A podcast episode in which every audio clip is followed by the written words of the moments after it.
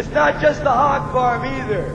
It's like the Ojai Mountain family and the pranksters and everybody else that has volunteered and put in their time into the free kitchens. In fact, it's everybody. We're all feeding each other. We must be in heaven, man. There is always a little bit of heaven in a disaster area.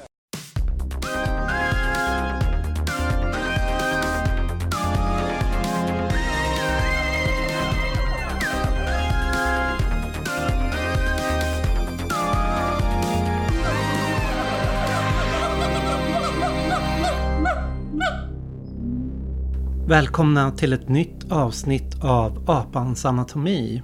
Nu börjar vi närma oss FNs eh, miljömöte Stockholm 50 plus. Att det är 50 år sedan 1972 då FN höll sitt första miljötoppmöte och det hölls i Stockholm. Miljörörelsen var ute, en nybakad miljörörelse var ute på gatorna och formerades då. Så jag tänker ägna två poddar åt att gå in och prata om 1972 och vad som hände med miljörörelsen då. Just för att det är väldigt intressant att ställa i kontrast sen också till vad som händer idag. Och dagens avsnitt så har jag med mig Lars Skogman. Hej Lars! Hej! Säger man Lars eller Lasse? Vad säger dina vänner? Det funkar vad som helst. Ja. Och du jobbar på Arbetarrörelsens arkiv? Japp, jag har jobbat där i 28 år. Jag såg du någonstans la upp en bild och sa att du såg att du var den sista kvar som har jobbat där hela ja. den perioden. Jo, det, det känns märkligt. En av mina kollegor slutade för några veckor sedan och så insåg jag att jag var ålderman. Mm. Jag tänkte vi skulle prata om en specifik del av den här miljökonferensen. Och det är det som hände i Skarpnäck, det så kallade lägret som sattes upp där. Som i folkmun kom att kallas Hog Farm. Och du har skrivit en artikel om det i Fria Tidningen för, för många år sedan. Mm. När jag, jag ju, kom ju in i miljörörelsen genom fältbiologerna och då fick vi ju alltid en eh, historieskrivning från de äldre miljöaktivisterna vad som skedde där i miljökonferensen 72. Jag var ju med när det var miljökonferensen 92, det här Rio-mötet och vi gjorde massor med saker i Stockholm. Så här, och då, då diskuterades det här mycket att det hade, att det hade kommit eh, amerikanare hit, det var CIA inblandade, de hade försökt splittra miljörörelsen och jag hade hört på Grågefeldts låt om Hog Farm, om eh, om hur eh, en stor del av den, man ska man säga, frihetliga subkulturen, motkulturen liksom drogades ner där. Och när jag läste din artikel var det första som jag förstod att det fanns en annan berättelse där kring Hog Farm. Så här. Och hur, hur kom du att intressera dig för vad som skedde där i Skarpnäck på det fältet då? Ja, det, jag tror någon gång för väldigt länge sedan, eller kanske någon gång på eh, 90-talet så var det en vän till mig. Jag hade flyttat till Bagarmossen och en vän till mig berättade att det var här det skedde. Det var här hippisarna var och man kunde röka hash i eller man kunde röka cannabis i bussarna och allting var organiserat ifrån CIA. Och jag blev lite tyst och tänkte vad, vad är det här för någonting? Eh, ja, ja, det lät så märkligt. Och eh, jag, eh, det, det satt kvar i mitt huvud. Och sen så blev jag medlem i, i hembygdsförbundet eller hembygdsföreningen i Bagarmossen. Och då tänkte jag, vad är det för någonting som har hänt i Bagarmossen? Och då ville jag undersöka det här och se vad som hände egentligen utifrån ett underifrån perspektiv. De som var där egentligen. Mm. Mm. Och hur gick det tillväga då? Ja, då gjorde jag ju så här att jag, jag pratade med de personerna som jag kände och då blev det mer och mer och mer och jag, jag tror jag intervjuade eller diskuterade de här frågorna med kanske ett, ett 20-tal personer som då var där ifrån Bagarmossen. Och sen så gick jag väl vidare också och tittade i tidningarna eh, vad det var för folk som hade någonting med Hogfarm att göra. Och då sökte jag upp de människorna och eh, fick deras bild av vad det var för någonting som hände på fältet. Mm. Och det, jag skulle säga det har kommit två böcker nu som gör det här lite extra intressant. Och det ena är ju Leonidas Aretakis bok Extas i folkhemmet, Sveriges psykedeliska historia, där han har ett kapitel om det. Och Dagens Nyheter publicerade just det här kapitlet om Hogfarm då som, som utdrag. Och sen så har det kommit en bok som heter eh, om bandet Träd, gräs och stenar och International Harvester, en slags kollektiv berättelse. Som är en, det är en gigantisk bok, jag har den här framför mig nu, mm. den är fantastisk med färgbilder, tjock som en telefonkatalog. Och den är, det står att det är en kollektiv berättelse, den är sammanställd av Matt, Mats Eriksson Duner som har skrivit i min ockupationsbok om husockupationen om Gamla Brogatan. Mm. Eh, Håkan Agnsäter, Jakob Sjöholm och Jonas Ståhl som har varit med och skrivit den här då. Och som beskriver en del av mindre känd del av progrörelsen kan man säga som är mer anarkistisk, mer frihetlig, inte lika färgad av maoismen under de här åren. Mm. Och det är någonstans där den formen av motkultur som kommer att samlas där kring Hogfarm. Så. Alltså jag, nu, har jag inte läst den här boken om träd, gräs och stenar men den, det vill jag läsa. Aha. Men jag tror upprinnelsen är kontakterna mellan Sverige, vad ska man kalla det, miljörörelse och amerikanerna 1971-72. Det handlar ju egentligen om individuella kontakter ifrån de få människorna i, i Sverige som eh, var intresserade av ekologi och miljötänk på ett lite seriösare sätt. Och då finns det då en organisation som heter Powwow som kanske bara handlar om 20 personer i Stockholm. Men någon av dem har kontakter med eh, amerikaner. Och de har en tanke att det ska vara något form av tältläger i Stockholm i samband med miljökonferensen i juni 1972. Och det här kommer då till kännedom för Stevert Brand då, som är utgivare för den här enorma boken Whole Earth Catalog. Har du tittat på den någon gång? Nej, jag har aldrig Nej. sett den. Ja. Och det, det, är alltså ungefär 500 sidor med allting du behöver för att åka ut på landet och starta kollektiv, maskiner, eh, ja, olika redskap och eh, ja, egentligen allting du behöver för att starta ett kollektiv ute på landet. Och det är det som på något sätt var hippisarnas eh, kultur. Att man ville åka ut på landet i Amerika. Och det var en ganska stor rörelse och den här boken såldes i kopiöst eh, många exemplar. Så att han tjänade mycket pengar på de här eh, utgåvorna av Hålöfs katalog. Den kom väl ut, jag tror fyra, fem gånger. Och han, när, när jag, eh, jag, jag, skrev till honom och frågade mm. faktiskt att eh, de säger här att du är CIA-agent och eh, jag skulle vilja höra din åsikt om det.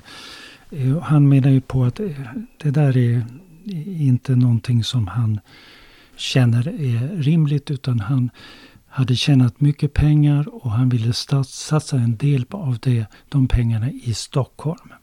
Och hjälpa till med det tältläger som miljörörelsen i Sverige ville anordna då i samband. Så i april 1972 så kommer Stevert Brand till Stockholm. Eh, och då har liksom de här ekologiska människorna i powwow och kanske i Alternativ stad och den typen av folk gått ihop med eh, andra organisationer, typ Vänsterpartiet kommunisterna, KFML, FK, RMF. RMF var trotskisterna. Ja, ja, alltså olika ytterkanter, FNL också. Vietnamgruppen. Vietnamgrupperna. Man kan säga att det har blivit en helt annan organisation där inte ekologiska frågor står i centrum utan det är kampen emot USA-imperialismen och kapitalismen som, och dess brott som ska uppmärksammas. Tycker då den här organisationen. Och då kan man säga att det finns kanske ingen motsats i det där men, men det kan också finnas en motsats. Att om ekologin kommer inte längre finns i fokus utan det är mera USA-imperialismen som ska bekämpas. Och då kan man säga att Vänsterpartiet kommunisterna är då huvudbit Alltså de betalar ungefär 25 000 kronor för den här konferensen. Mm.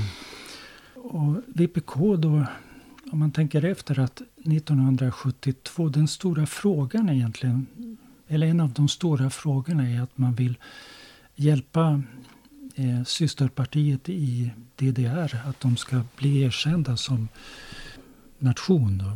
Det, det, är en stor fråga. Och man kan också se i Ny Dag att de har artiklar om, om hur bra det är med miljön just i DDR.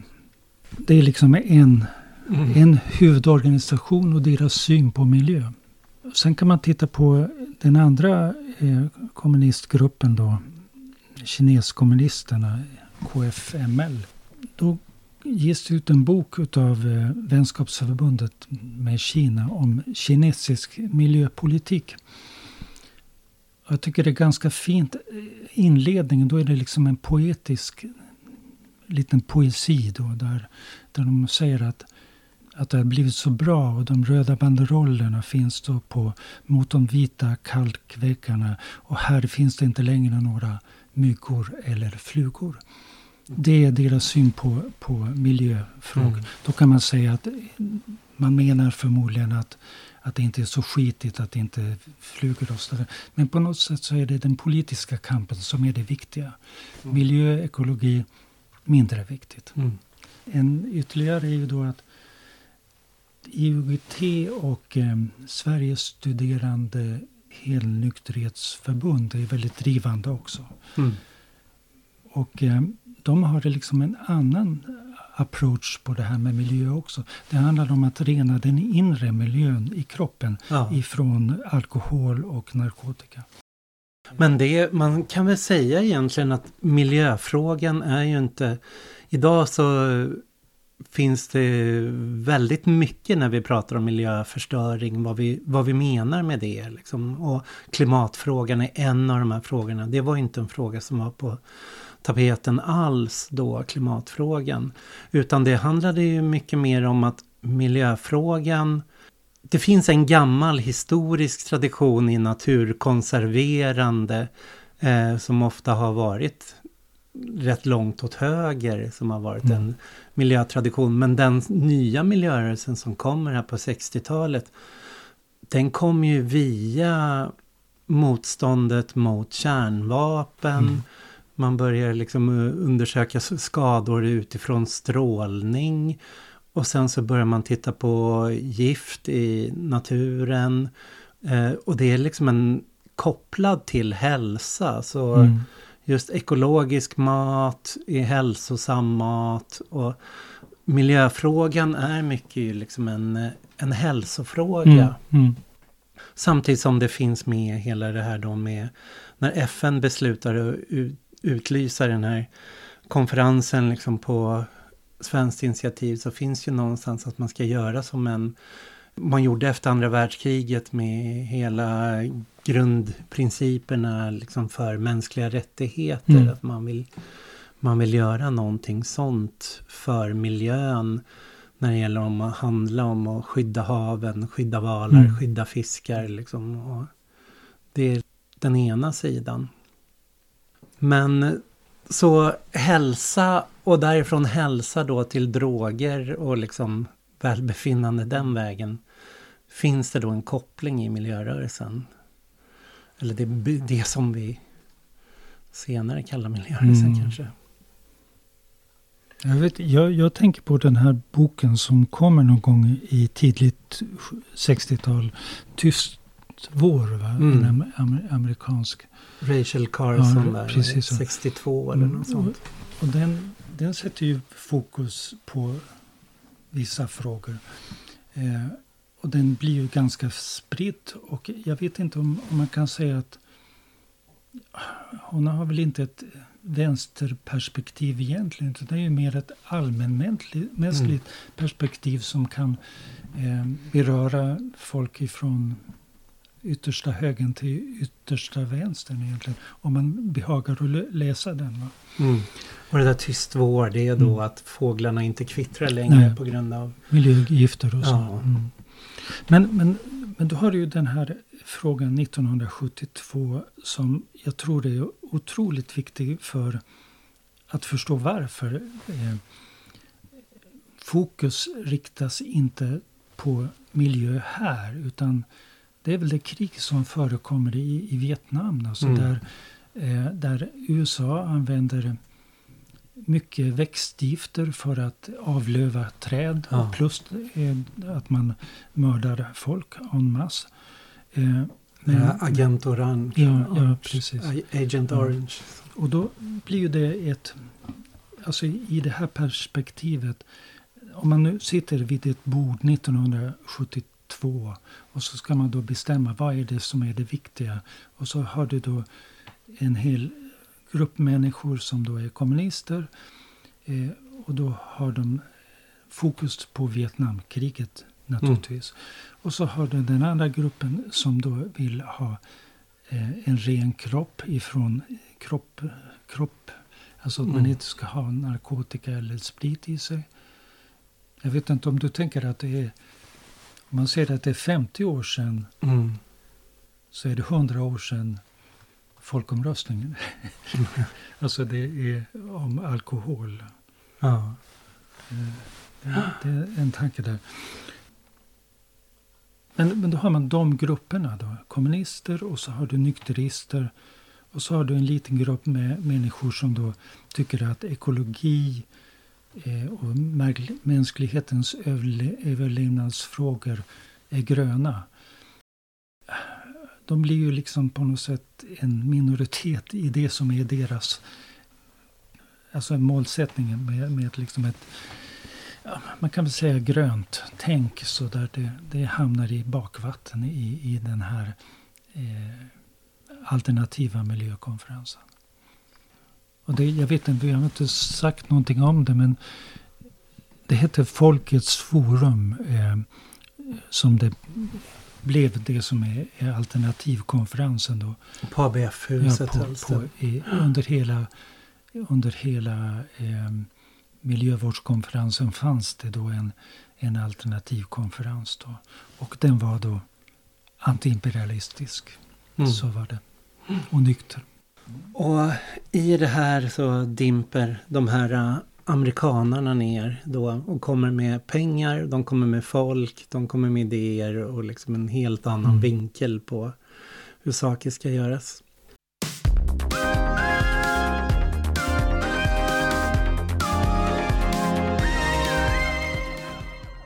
Vi kan säga någonting också vad som har skett åren innan för att det, det jag pratat mycket om i den här podden men mm. almstriden mm. Var, mm. hade skett året innan. Mm. Det hade varit en stor folklig mobilisering som stoppade avverkningen och almarna där både stadsdelsorganisering, de här mm. byalagen mm. växte fram kring Alternativ stad. Där liksom deras miljöfrågor handlade ju mycket om om rätten att ha bilfria städer mm. just för att slippa avgaserna, att barnen ska kunna leka ute, ha lekparker, att det fanns, eh, att det ska finnas grönområden. De var gröna på, på det sättet, liksom att det handlade också även där någonstans om, eh, om gifter och liksom människans livsmiljö i, i det här. Och sen så inför konferensen så hade ju börjat rensas upp oerhört mycket med alla ställen. Att vi hade ju haft hela rivningen av Gamla Klara.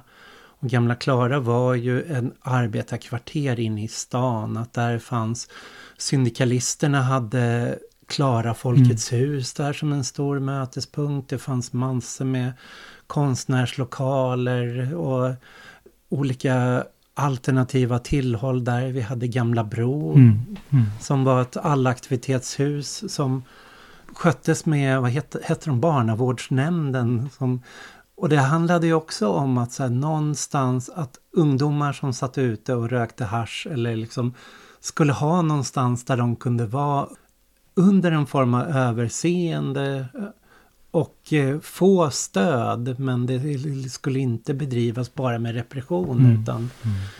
fösas in någonstans och så fanns det en massa olika konsertlokaler. Och lyssnar man på, på Grågefelds låt Hog Farm då sjunger ju han hur han drar runt i stan och alla ställen har stängts igen och hur polisen har liksom klappat igen allting. Och så vad, vad är alla? Ja, de sitter ute på Skarpnäcksfältet alla de här den anarkistmiljön och den ungdomsmiljön där det var där droger var en del och drogproblem också var en del. Och där också staden hade en mer Alltså det var inte samma hårda repressiva panik kring det ännu liksom. Att man man försökte liksom engagera de ungdomar som hade, hade problem försökte man dra med på aktiviteter och få dem att säga kom, häng här i sådana fall och då kan vi fixa saker som ni kan vara med på. Vi fixar musik, vi fixar sånt. Så.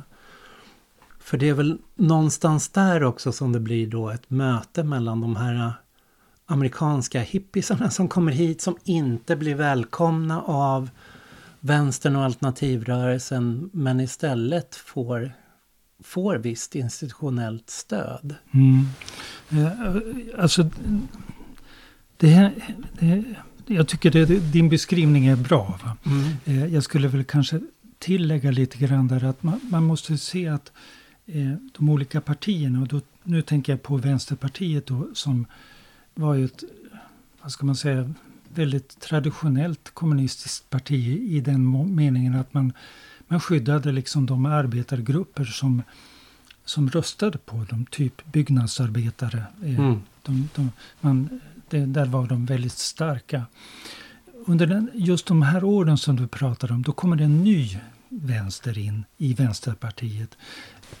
Och en del av dem kommer ju från just de här byalagen som, som du pratar om. Eh, till exempel Britt Rundberg som är, lever fortfarande och hon kommer ju då ifrån Södermalms byalag. Mm. Eh, hon har väl också beskrivit de här, jag tror att hon har beskrivit det, men det, det spelar ingen roll. Eh, hon, är, hon kommer i konflikt med, med den traditionella kommunistiska politiken att man ska stödja byggjobbarna. Mm. Och så ska man, hon kommer mera med att man ska stödja de boende. Och det finns där en konflikt mellan, mellan att man ska bygga mera och sen att de som bor ska ha ett inflytande över sin miljö. Mm. Och det här är liksom en sån eh, konflikt som finns i, i Vänsterpartiet kommunisterna vid den här tiden så att säga. Så att jag hade bara en, en ja. tillägg till din och beskrivning där. Idag så tänker vi på Skarpnäck mycket för grund att det är ett, man kan säga sista miljonprogramsområdet mm, ungefär mm. som byggdes när Stockholms stad expanderade utåt. Men det skedde ju på 80-talet. Mm. Så på 70-talet så var det villaområde och det, det gick inte, tunnelbanan gick till Bagarmossen. Mm, mm. Sen får man gå, ja, det är ju inte så långt tycker jag Nej. egentligen. Men, men det här med, med eh, när amerikanerna kommer ja. till, till Sverige. Det är ju tre personer och de söker då upp eh, Folkets forum och där sitter då Gun Zacharias. Mm. Sitter där. Hon är då eh, ekonomiansvarig för Folkets forum. Men hon är också sekreterare till Nils Bejerot som är vad ska man säga, en av grundarna för den repressiva narkotikapolitiken som Sverige har bedrivit under alla år sedan dess egentligen. Och han, han var vänster också? Ja, ja. Han, han var gammal kommunist men ja. eh, som lämnade kommunisterna 1956 på grund av invasionen av Ungern. Ja. Men han är ju också en människa som inte tyckte om serietidningar på mm. 50-talet. Gav ut en bok om hur hemskt det var. Och sen är han ju då... Han, han är ju socialläkare på något sätt. Men han blir, ank, eh, han blir eh, inblandad i polisen. Och han, har, han får någon tjänst som gör att han får mycket förtroende inom polismakten då på 60-talet. Och eh, Gun är hans sekreterare. Och hon beskriver då i sin egen bok hur det var när de kom in. Och det tog för henne inte många minuter att se vad... Eh, alltså de lämnade fram den här mm. eh, Håll Ös-katalog. Och det, hon tittade på den och dömde ut den på en gång egentligen. Och jag, jag kan inte förstå hur man kan döma ut den här boken på en gång. En 500-sidig eh, bok om vad man behöver göra. Alla redskap för att man flyttar ut på landet. Alltså. Ja. Eh, och då är det det att hon hittar, jag tror det är två stycken artiklar om hur man kan odla marijuana. Jag tror det är det. Och sen mm. kan du då köpa gevär och sådana saker där. Och de här två sakerna, det är väldigt få artiklar som är åt det hållet. Det gör att hon dömer ut allt på en gång. Och då får de gå. Eh, då blir de utkastade ifrån Folkets forum. Och eh, Folkets forum bestämmer att ingen av deras organisationers medlemmar får ha någonting med dem att göra. På något sätt. Mm. Står, står det tydligt. Och jag, jag vet inte, när, när jag såg det.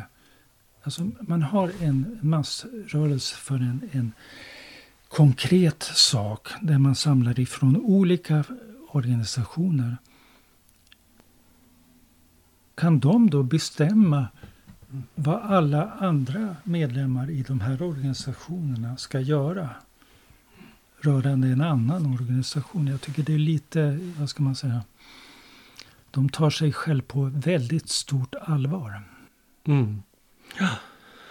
Det skrivs väl redan då i Dagens Nyheter om att eh, den här eh, Kaplanfonden då som mm. ska ha varit inblandad i att finansiera han eh, Stuart Brand. Förutom att han fick mycket pengar från sin, sin mm. katalog då mm. så, så fick han även pengar där. Så han kom ju dit och erbjöd att så här, vi kan arrangera upp ett tältläger, vi kan ställa upp med, med säkerhet, mm. med, med mat och eh, även med pengar. Så att det är väl där någonstans då det liksom också det börjar den här liksom bilden av att det, ja, men det där är CIA-pengar. Mm. Mm. Alltså jag, jag har försökt läsa det där och jag har eh, jag, jag, jag, känner det där får någon annan eh, ta tag i och, och, reda ut.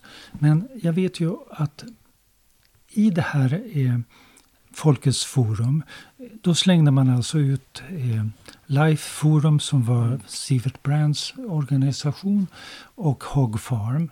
De var fel. Eh, efter en stund, det finns två andra, vad ska man säga, seriösa, eller det finns två andra organisationer som eh, den ena heter Dai Dong som är ursprungligen från någon form av kristen rörelse. Mm. Som är med, med här. Och sen är det en grupp som heter OJ. Som är u-landsforskare. Eh, båda de här organisationerna blir också utkastade ur Folkets forum. På grund av att de har ekonomiska förbindelser med, med någonting som inte Folkets forum uppskattar. Och jag tror att det handlade om att eh, man ville ha forskare. Och då måste, man måste bekosta deras resor till Sverige. Man har inte de pengarna och då får man pengar ifrån någonting som eh, Folkets Forum inte uppskattar. Och då kastar man ut dem. Mm. Och då, då är det då Life Forum, det är Hog Farm, det är Oj och det är Dai Dong. De åker ut. Men sen blir det också när man tittar i protokollen att även Alternativ stad och Powwow Jaha. får reservera sig emot olika konstiga beslut som tas i den här organisationen. Och det bra med det här är att Folkets Forum som den eh, ja, folkrörelse det är, ordning och reda. Mm. De har sparat varenda fotprotokoll. Varenda sak finns där. Så man kan gå in och titta där att Vänsterpartiet kommunisterna gav 25 000 kronor till det här projektet. Och alla andra organisationer, hur mycket pengar de gav. Ja. Eh, och förmodligen, nu kanske det inte är CIA, men Vänsterpartiet kommunisterna kanske vill ha någonting utifrån det här. Om man inte är så intresserad av miljöfrågan egentligen så kanske man vill ha ja, en sovjetisk film om eh, hur bra Sovjet hjälper Mm. något land i tredje världen. Det kanske är bra betalning för, för den organisationen. Och nykterhetsrörelsen kanske också vill ha någonting för de pengarna man pumpar in Ja. i det här också. Och det har inte med miljö att göra. Nej. Utan det har med politik. Ja. Mm. Jag har ju tänkt att jag ska prata med, göra nästa med Tord Björk Ja, också. Och Han är, var ju med i Povo-gruppen. Så det, han kommer ju ge sitt perspektiv Mm. på det här också. Men jag tänkte med Hog Farm, för jag har ju varit väldigt förtjust intresserad i att titta på de här frihetliga traditionerna, liksom de rörelser som har varit och även någon form av motkultur. Och det är i Leonidas bok nu, Extas i folkhemmet, i hans kapitel om det här, där går han in och skriver lite om de här eh, som är var Hog Farm kom från. Mm. Att det, dels fanns det de här uh, Merry Pranksters, Mm, mm. att det var en så här pranksterkultur som eh, i i vad man ska säga hippierörelsen så fanns det också olika tendenser, olika falanger. Vissa var ju mer politiserade, gick in i medborgarrättsrörelsen och Vietnamrörelsen och kvinnorörelsen. Och vissa var ju mer på ett sätt anarkistiska eller spexiga Mm. och liksom gjorde aktioner och Eh, idag hade vi väl kallat det liksom påverkansoperationer och fake news, men de, de jobbade ju med sådana spektakel, skandaler, fake-grejer eller, eller sånt som växte, ja, skämt, humor, eh, pajaserier liksom. Och, och den här Mary Pranksters, det var ju en sån grupp som åkte runt i en skolbuss och liksom spred en målad liksom, psykedelisk buss och spred information om psykedeliska droger. Liksom. Eh, och sen så har vi där Hog Farm då som, som fortfarande finns i USA som är ett av de äldsta liksom, kollektiven, gröna vågen-kollektiven i börjar i södra Kalifornien, att man flyttar ut i bergen där runt omkring och får ärva en grisfarm och där börjar man ett stort stort kooperativ eh, kollektiv då kring en som heter Huge Romney som Wavy Gravy kommer han att kallas. Liksom, han spelar en viktig roll här i, i Skarpnäck sen då. Men jag, jag har ju läst den här Jerry Rubins bok eh, Snacka inte bara do it om de här, den här formen av eh, trickster eller spexkultur som de kallas jippies bland hippisarna. Eh, som gör massor med aktioner. Och en av de grejerna är ju till exempel 68 en valkampanj där de försöker välja Gris. en gris ja. till USAs president. Pegasus. Och det är ju en gris från Hog Farm då. Så det är ju Hog Farm som har byggt upp ett väldigt stort nät med att de har blivit mer och mer ett mobilt kollektiv. Att de har 40 stycken målade bussar de åker runt med i USA 68. Där de reser sådana här stora enorma kupoltält de bygger själva. De har byggt upp ljusshower, de har egna band. Och sen så folk i alla åldrar, liksom barn. Och det är mycket det här, någon slags eh, fred, eh, nära naturen, hela människan. Där liksom psykedeliska droger och liksom marijuana och allt sånt liksom kommer in som en del, del av det här. Men det är ju en... Det är en annan form av motkultur än vad man ska beskriva som den här politiserade, liksom ställa mm. krav. De, de driver med politiken mycket mer. Och jag tycker den här finns ju liksom i, i alla länder. Liksom vi har så här, tidningen Puss och vi har mm. tidningen Huvudbladet här och vi har de omkringvandrande haschrebellerna i, i Berlin kring eh, de här kommunerna. Kommun. Vi har den här Provo-rörelsen i Amsterdam. Ja. Att det finns den där kulturen är ju en del också av det anti-auktoritära i 68 men som skrivs ut lite sen ur 68-vänsterns historieskrivning då det blir 68-vänstern var ML-partierna, mm, mm. det var den politiska progrörelsen, det var kvinnorörelsen, det var liksom medborgarrättsrörelsen, Svarta pantrarna och sen punkt. Liksom. Nej, men jag, jag tror att det har lite grann med folkrörelsetraditionen att göra. Mm. Alltså, alltså det sättet man organiserar sig i Sverige är väldigt tydligt exakt hur det ska gå till egentligen. Och eh, alla de här sakerna du beskriver, de, de passar inte in i, i folkrörelsen. Eh, om, om man har ett, ett Folkets hus så vill man inte ha de grupperna där, för de stör. Mm. De vill inte bara skriva på ett protokoll och eh, uttala sig i skrift och så är det bra så, utan de vill göra någonting mera. Och där, det, det passar sig inte helt enkelt. Nej. Jag, jag tänker på det här, i, i Stockholm fanns det någonting som heter Radio Klara och det, den var väl också lite sådär mer åt det anarkistiska hållet egentligen. Ja, de hade ju Radio 88, 88 innan det och det var ju mm. väldigt mm. sammansatt. Mm. Först mer spexigt, sen mer anarkistiskt mm. mm. liksom i hur, de, hur det utformades. Om man säger, när, när jag eh, försökte hitta de här personerna, egentligen är det ju, eh, dels är det ungdomarna i i Skarpnäck. Att de spelar en stor roll är därför att Folkets Forum har förbjudit alla folk som kan någonting att vara där. Mm. Då blir det ungdomarna i, i Skarpnäck som får göra ja, det alla får, andra får göra på andra ställen. Och sen är det de här människorna som jag pratar om, som jag, eh, har sökt upp då på något mm. sätt. Men om vi, om vi går tillbaks till, eller ja, kör. bara Hog Farm och knyter ihop det med de här ungdomarna. För att ja. Hog Farm, de blir ju kända när de får vara säkerhetsstyrka på Woodstockfestivalen mm, mm, 69. Mm. Ja.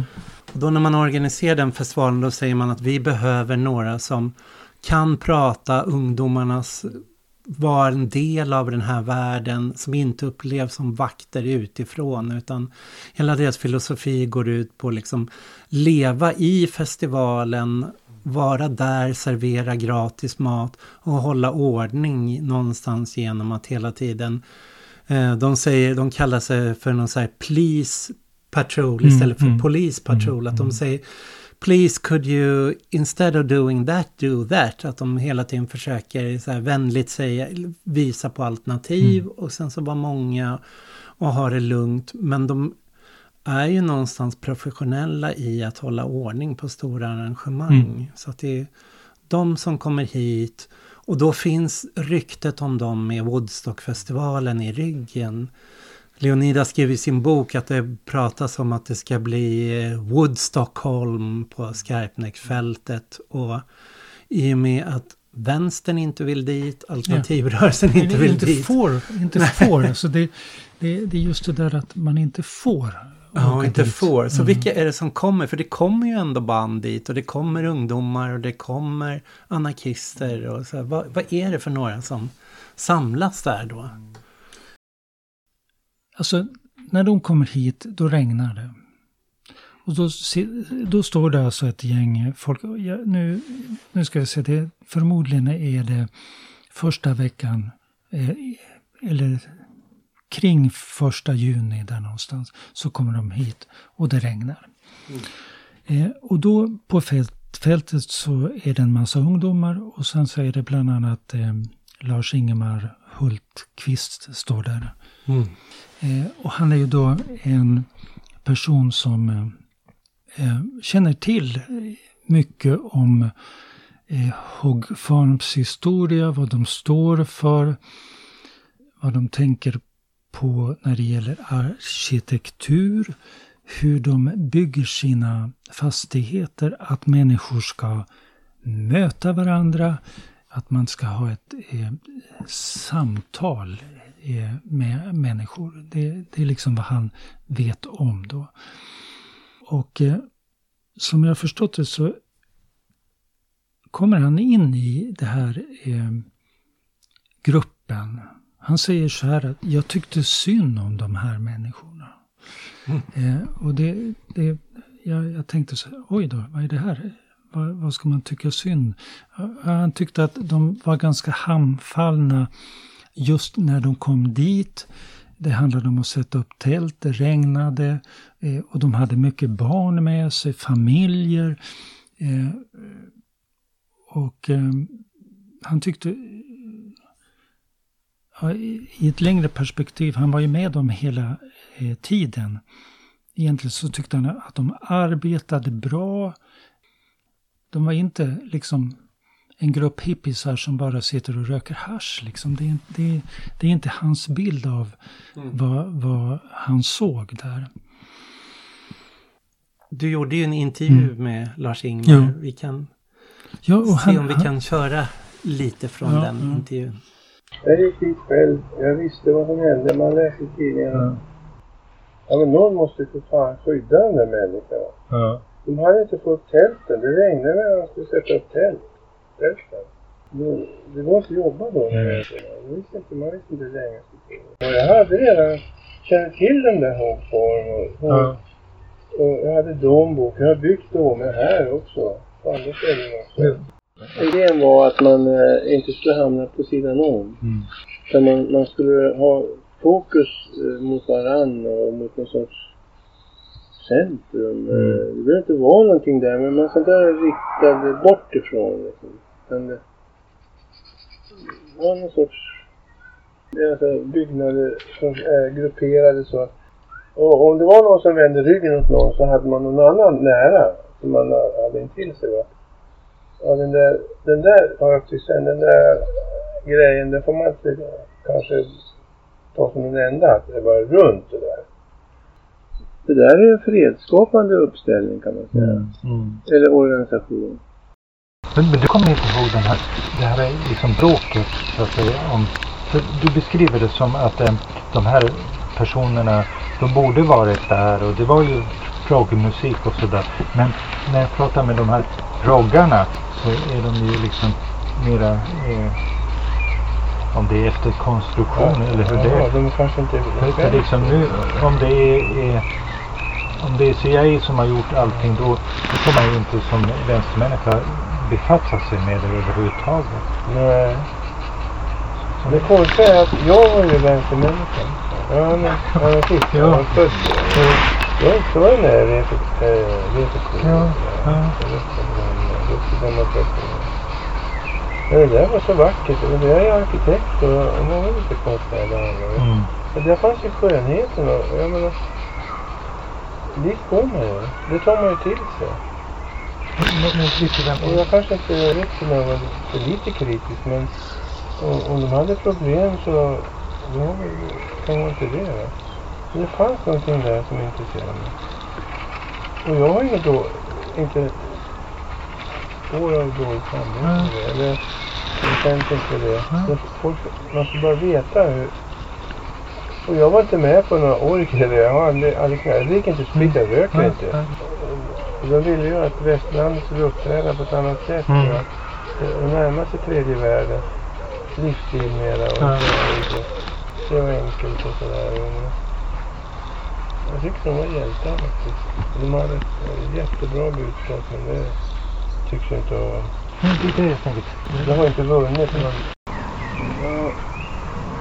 Jag kan säga, jag, har, jag, har, jag hade en förmåga och jag var, jag var en sorts immun mot det där nöden som man kunde se på sig själv. Jag både såg och kände liksom att det fanns någonting där som var friskt. Mm.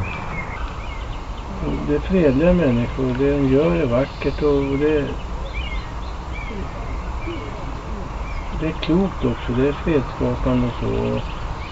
Och det är klart att de har ju små resurser. De, det är ungefär som eh, favelas i Brasilien och det de bygger och det, är fattiga människor. Och de har ju ett bu- budskap jag ska hjälpa dem. Mm. Jag bryr mig inte om det knarket. Det, det,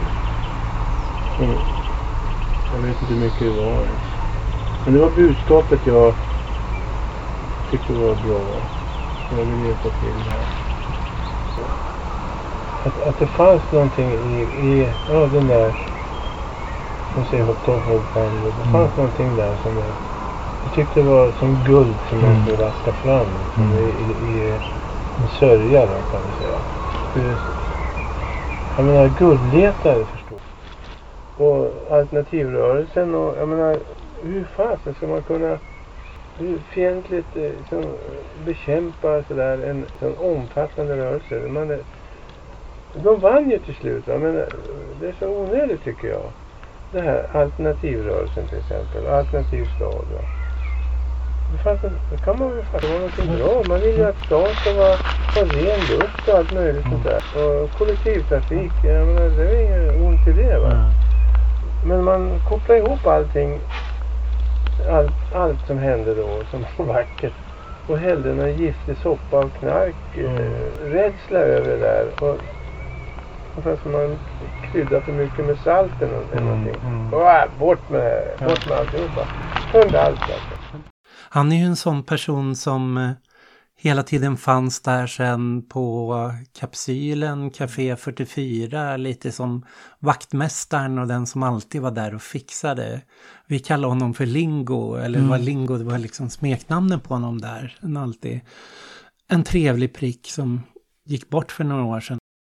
Men det är någonting jag tänker på också är det här att han, han var aktiv i någonting som jag skulle, han kallar väl som en inköpsförening för de olika kollektiven i, i Stockholm. Alltså de, de hade en organiserad inköpsförening som han förestod då eh, vid den här tiden.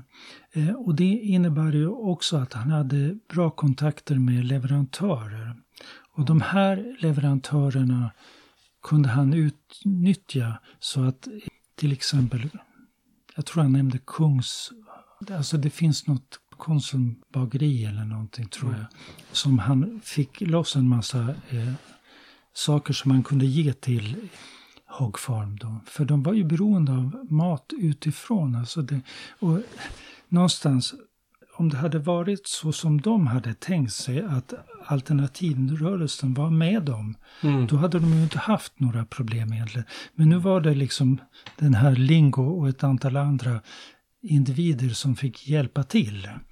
Om man tar, eh, förutom de ungdomar då som samlades där, att det för det var musik, det var festival, det pågick möten, det pågick, eh, ja, Militären hade ju satt upp en massa militärtält på Skarpnäcksfältet. Och Och, hemvärden tror jag. Hemvärnet. Hemvärnet tror jag som organiserade. ja, så det fanns en struktur, man kunde sova och bo där och i folkmun och i polisen och i tidningarna så blev det ju snabbt att det här var liksom en eh, haschläger Mm. eller drogläger. Och hur var det med de bitarna? Så att säga?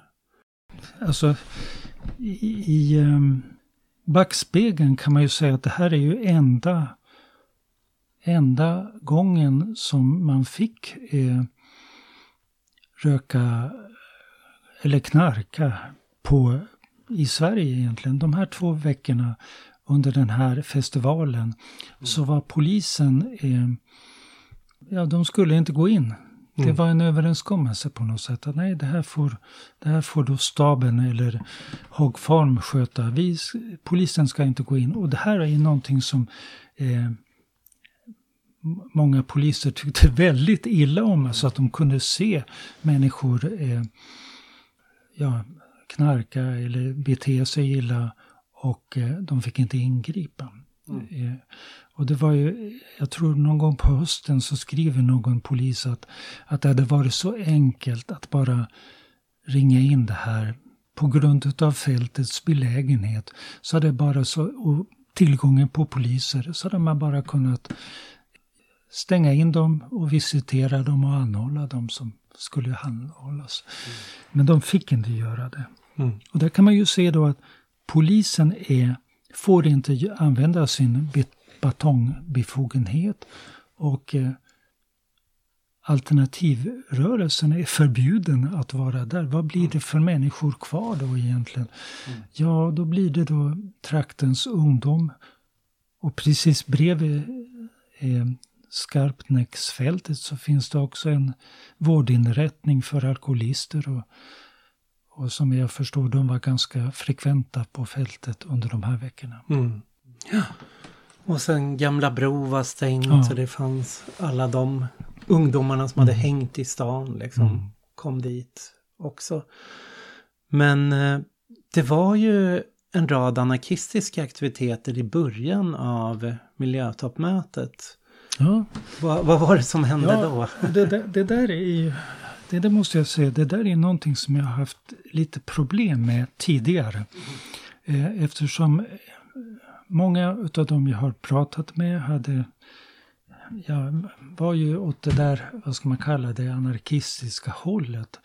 Och de, eh, de var ju på eh, fältet under, ja, Många var där under lång tid eller vad man ska säga.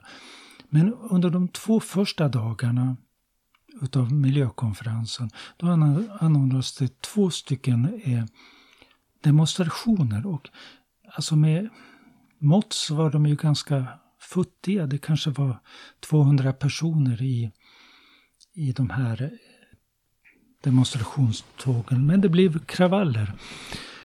Både den fjärde och den femte juni. Och då var det ju de anarkistiska krafterna som var drivande. Och det, det kan man också titta i, i deras tidning då som hette... Vad heter den nu? Frias... Nej. Stockholms fria tidning. Eller var det den? Ja, Stockholms fria tidningar. Mm. Där, eh, som var på något sätt eh, under de här åren var väl det den mest an- anarkistiska Mm. tidningen. Jag tror Brand gavs inte ut. Nej, det var en lucka där. Ja, precis. Och då var det den här tidningen i Stockholm. Och de är ju väldigt tydliga med vad de tycker om själva miljökonferensen. Eh, Det finns ingen pardon där. Det är Mm. bara ett svek. Och de var också besvikna för att Folkets Forum och de gjorde inga demonstrationer. Man, man höll en Vietnamdemonstration. Det var det som var den stora. Ja, eh, och den, den skulle hållas då eh, sista veckan utav, eh, eller jag tror det var den tolfte. mig. Då skulle det vara ett, en, en stor manifestation mot USAs miljömord i Vietnam. Och då skulle alla eh, aktivister vara där. Men eh, anarkisterna ville ju ha demonstration direkt mot miljökonferensen. Detta svek som man menade. Och även då Revolutionära Marxisters förbund som är en trotskistisk organisation och förbundet Kommunist som är väl en, eh, ja, vad ska jag kalla dem? Jag vet inte. Snäll-leninister. Ja, sn- snäll leninister, det är väl ett bra ord. De ville också protestera mot själva miljökonferensen. Och då, första dagen så var det anarkisterna och då blev det kravaller. De, alltså beskrivning i tidningar kanske man inte ska lita på men ett antal med svarta fanor skulle ockupera slottet och högvakten var tvungen att ingripa eftersom polisen inte hann dit. Ett annat gäng satte sig utanför operan. Slottsvakten satte på bajonetterna Ja, också, så precis. det var- Och, det, alltså, liten grupp, högljudd och eh, fick uppmärksamhet i världens tidningar. Mm. Eh, dagen efter när det var den eh, första dagen som det skulle vara konferens, då var den här andra demonstrationen som FK och eh, RMF, eller det var väl deras, Mm. vad ska man kalla studentorganisation, eh, revolutionära studenter heter de. Det tog mig väldigt lång tid att hitta det, men Mm. jag hittade det i handlingarna. De då liksom gick till, eh, till själva konferensen eh, vid Norra Bantorget. Och sen läste de upp sina krav och hur illa de tyckte. Och då står det i alla fall att ett gäng, några anarkister skriker mot vi stormar. Och så springer de dit. Och då är det ju liksom, jag vet inte, i mitt, i mitt huvud, om det är 200 de- demonstranter varav kanske ett gäng står kvar och, och läser sin, sitt upprop. Och sen är det förmodligen samma gäng som, som då eh, var med och bråkade dagen eff- innan som, som ska storma. Och de är kanske några hundra och det är 450 poliser som står på andra sidan. Jag förstår inte riktigt eh, hur, man jag, tänker. Jag, jag tror faktiskt att man skulle fråga om det där är Jean-Claude Arnault. Han är nog en av dem som kan ja, ha kanske. Ja. varit Ja, inblandad men sen springer de, sen blir Ja. de mot, bort, bortmotade. Jag tror det är nio personer som blir anhållna. De andra springer iväg till spanska eh, turistbyrån, krossar fönster och så springer de vidare till USAs eh, ja, handelsdelegation och slänger några st- stenar där också. Och så blir det ingenting mera. Mm. Men det, det är det som är demonstrationen mot själva eh, mot festivalen, nej, mot eh, miljökonferensen. Och sen de här aktivisterna åker sedan ut eh, till eh, fältet och eh, jag tror dagen efter så är det en manifestation eh, för valarna där ute. Valarna. Ja, och det, alltså någonstans, här, här får jag då ett, ett litet problem här. Jag tänker, de mest militanta, de som ska eh, vara mest revolutionära, de åker sen ut och så är de med på ett, ett eh, möte för valarna. Mhm. Och den här, de andra kommunisterna då liksom, de, de tycker så, det är så det är så B att prata valar alltså, när det finns Vietnamkrig där borta. Så det, jag, jag har hört alltså, själva spyan omkring det här. Och då i mitt huvud så blir allting väldigt konstigt eftersom den här valfrågan då som är så föraktad utav vänstern eh, i det här sammanhanget är ju faktiskt den frågan som nästa år bildar Greenpeace borta i Vancouver. Mm. Och att i mitt huvud så är faktiskt Greenpeace en organisation som jag inte kan bort, bortse ifrån eh, som, som en, en slags aktivistbas för gröna frågor. Alltså. Det, Mm. till skillnad från kanske de traditionella kommunistpartierna. Liksom.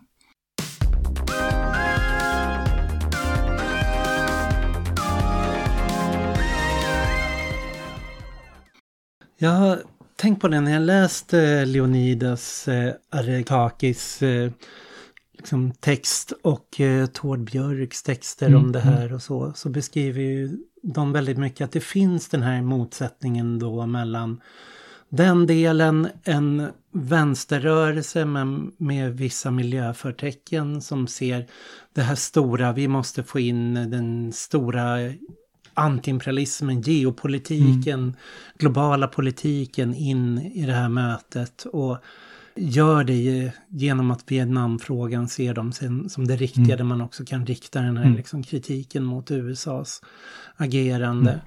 Och så menar de att det liksom på andra sidan fanns då gemensamt intresse med de frågor USA ville driva och de frågor som de, den amerikanska eller den här alternativrörelsen ville driva. Just det här att diskutera valarna men också det man kallade för befolkningsexplosionen Mm. där man sa att problemet är inte i väst utan det är i syd, i det globala syd så, så föds det så mycket barn och det är det som är det ohållbara. Mm. Vi kommer inte klara.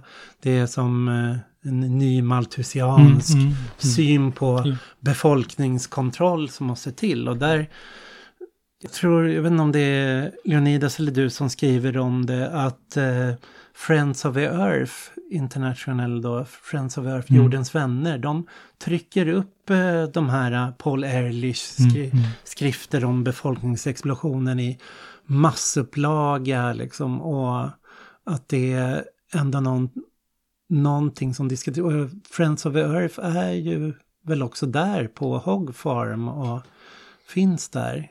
Liksom det är väl så någonstans jordens vänner kommer hit. Det är ju jättespännande. Jag, jag, jag, jag, kan inte, alltså jag vet ju att, att den här Elrich, eh, han var en av dem som Stevert Brand hade med sig hit. Ja. Och eh, han hade, ja, han gillar ju det här.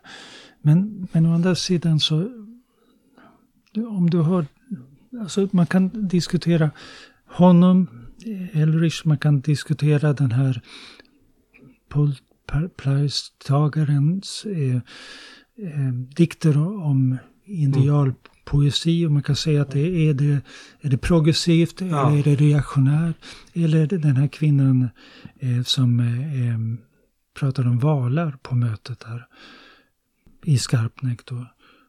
Som då sen är en av de som grundar Greenpeace. och Hon blir också eh, arresterad utav franska militären för att hon är där fransmännen har atombombsprov. Ja, Alltså, med Rainbow Warrior Ja, precis. Och då, då liksom då blir det inte så enkelt. Va? Att hela världen handlar om Vietnamkriget bara Nej. och det är det enda du kan prata om.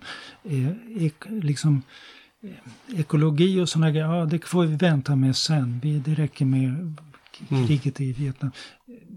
Eh, Jag vet inte, jag tycker inte att det är... Är det så begränsat vänstern ska vara då, då Ja. är det ju bra då. Så Ja.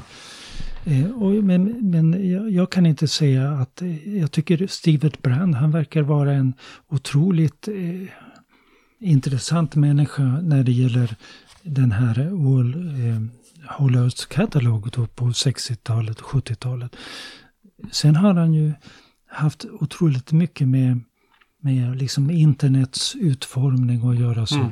Mm. Eh, och han är ju då också en, en stor eh, idol för Steve Jobs som då Mm. grundade Apple. Eh, jag tror det finns något sånt här tal som Steve Jobs, ha, ha, liksom hur han verkligen eh, tycker att anledningen till att han skapade Apple, det var på grund av Steve Brand.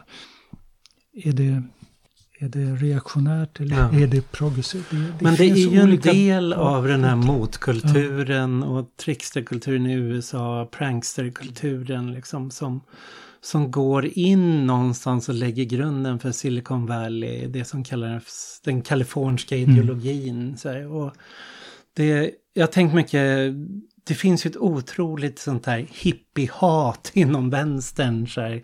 Man ser eh, dels att vänstern förstördes av 68 eller framförallt de här hippievärderingarna och sen, sen kom punken och de också tog en viss ställning mot liksom hippiekulturen eh, som trots att de byggde väldigt mycket på hippie-musik eller liksom den progressiva musikscenen så att säga. Men eh, det här är också liksom ett, inte kanske ett sidospår, men finns den här teoretikern Mark Fisher som vi har pratat ofta om i den här podden.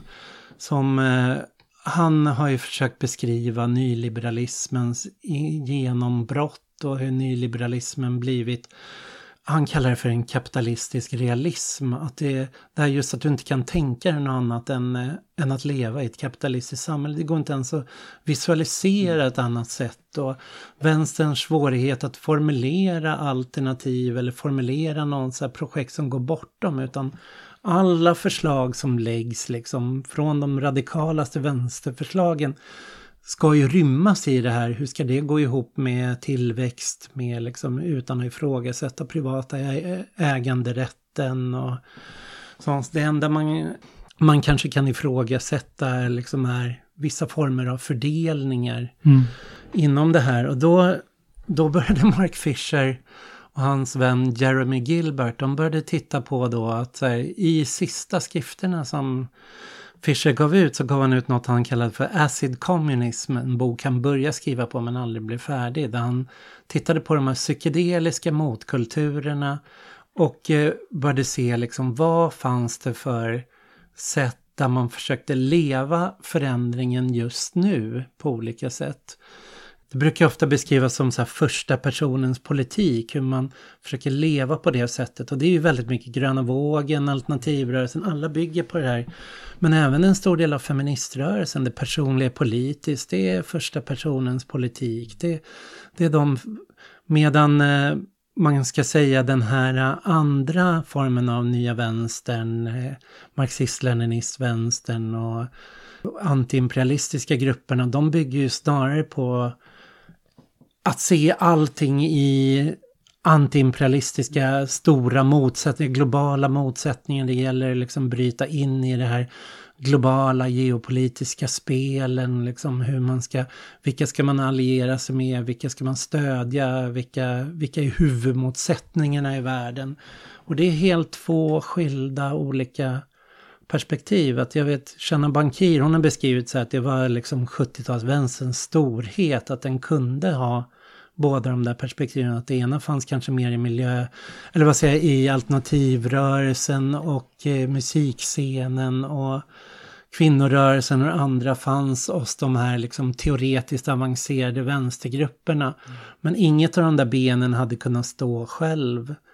Men eh, för Mark Fisher, han går in och då försöker förstå det här att det Tänk om vi inte ska förstå nyliberalismen som fortsättningen på den kaliforniska ideologin. Att det är liksom, det går från Brand till Steve Jobs till nyliberalism. Utan att nyliberalismen snarare var en reaktionärt försök att krossa de här försöken att så här, hela den moraliska vändningen som skedde i världen, att liksom vilja leva fritt på mm. olika sätt, att så här, vilja ha, se en förändring i sitt liv nu, att inte vilja vänta på, på förändringen, hela den aspekten av motkulturen. Och det behöver inte ha med, alltså droger kan ha, psykedeliska droger, alltså kan ha en sån så här att tänka sig andra sätt att befinna sig i världen, men basgrupper, olika former av medvetandehöjande praktiker genom allt från, eh, ja,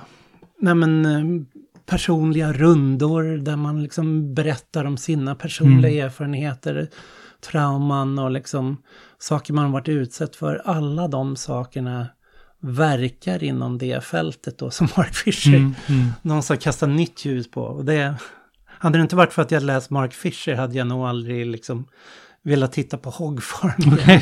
Så hade jag nog tyckt att ja men det där är väl en sidospår i historien vi kan, kan begrava. Mm. Men jag tror att där har vi det han efterlyser. Han, det finns liksom ett embryo här. Men, men den här eh, personen som vi pratade för, Lars Ingemar, som ja. kallades Lingo. Lingo. Precis. Alltså han var där och han älskade de här människorna men, men sen är han också en av grundarna till kapsylen som mm. då är, är, ett stort, ja vad ska man kalla vad har du för namn på Ja, Frihetligt kooperativt ja, ja, hus. Mitt i, Stock ja, Stockholm. Där Café 44 mm. ligger. Ja. Och sen har man då den här eh, valmanifestationen eh, där en kvinna som som är med och grundar Greenpeace och mm. sen blir arresterad i, emot, för att hon är emot kärnvapensprängningar mm. borta i, i Stilla havet. Sen är en av de här personerna som jag eh, intervjuade lite grann, hon heter ju Lotta Hedström. Mm. Hon jobbade i Röda Korstältet där, hon var väl, hon kanske var 17, jag vet inte. Hon satt i, i Röda Korstältet på, på festivalen. Och jag frågade henne om vad hon tyckte om eh, amerikanerna. Och så. Ja, de var jättetrevliga människor. Jag hade jätteroligt där. Gick och lyssnade på föredrag.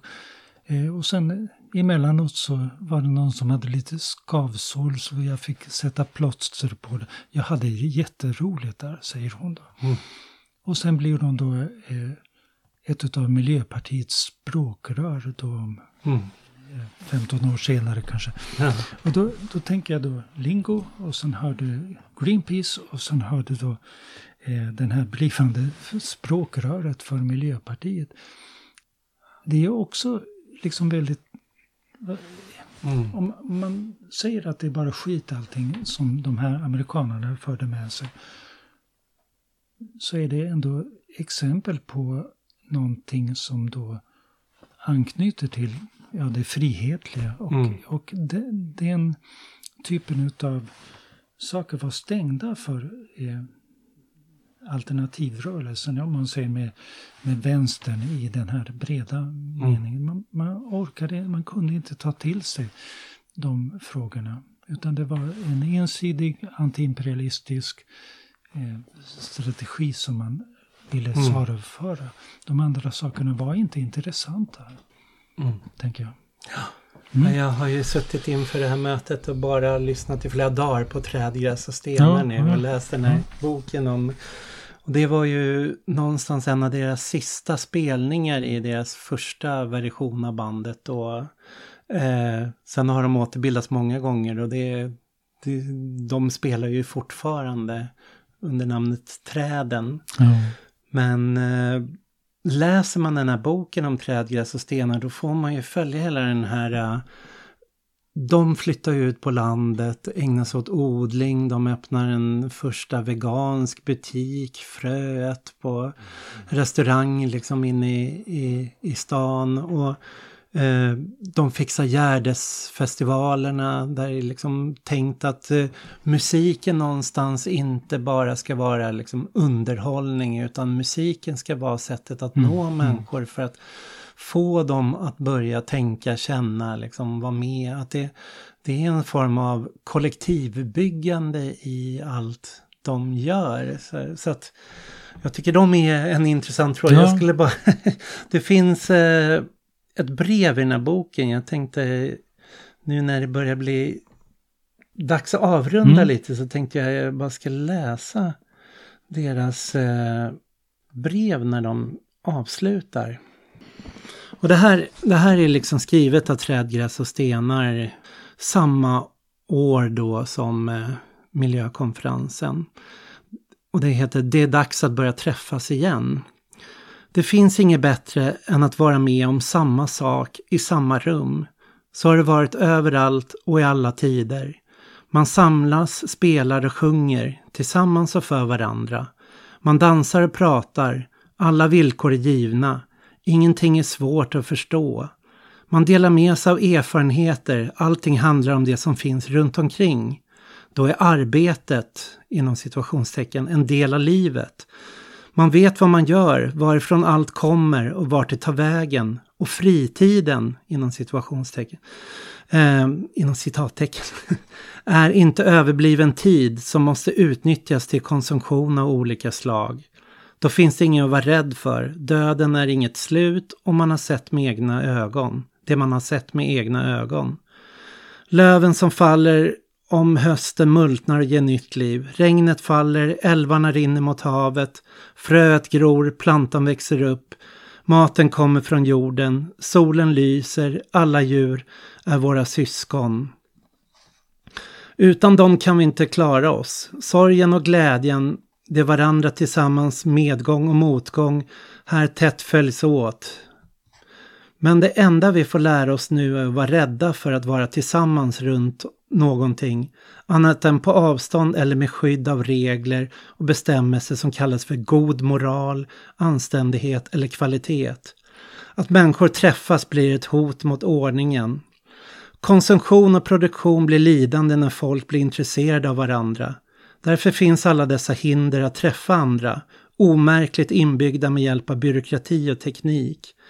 Det formuleras som om det vore fråga om organisation och så vidare, när det egentligen handlar om politik, att tvinga människor till en produktiv livsform utan hänsyn till vad man då får avstå från.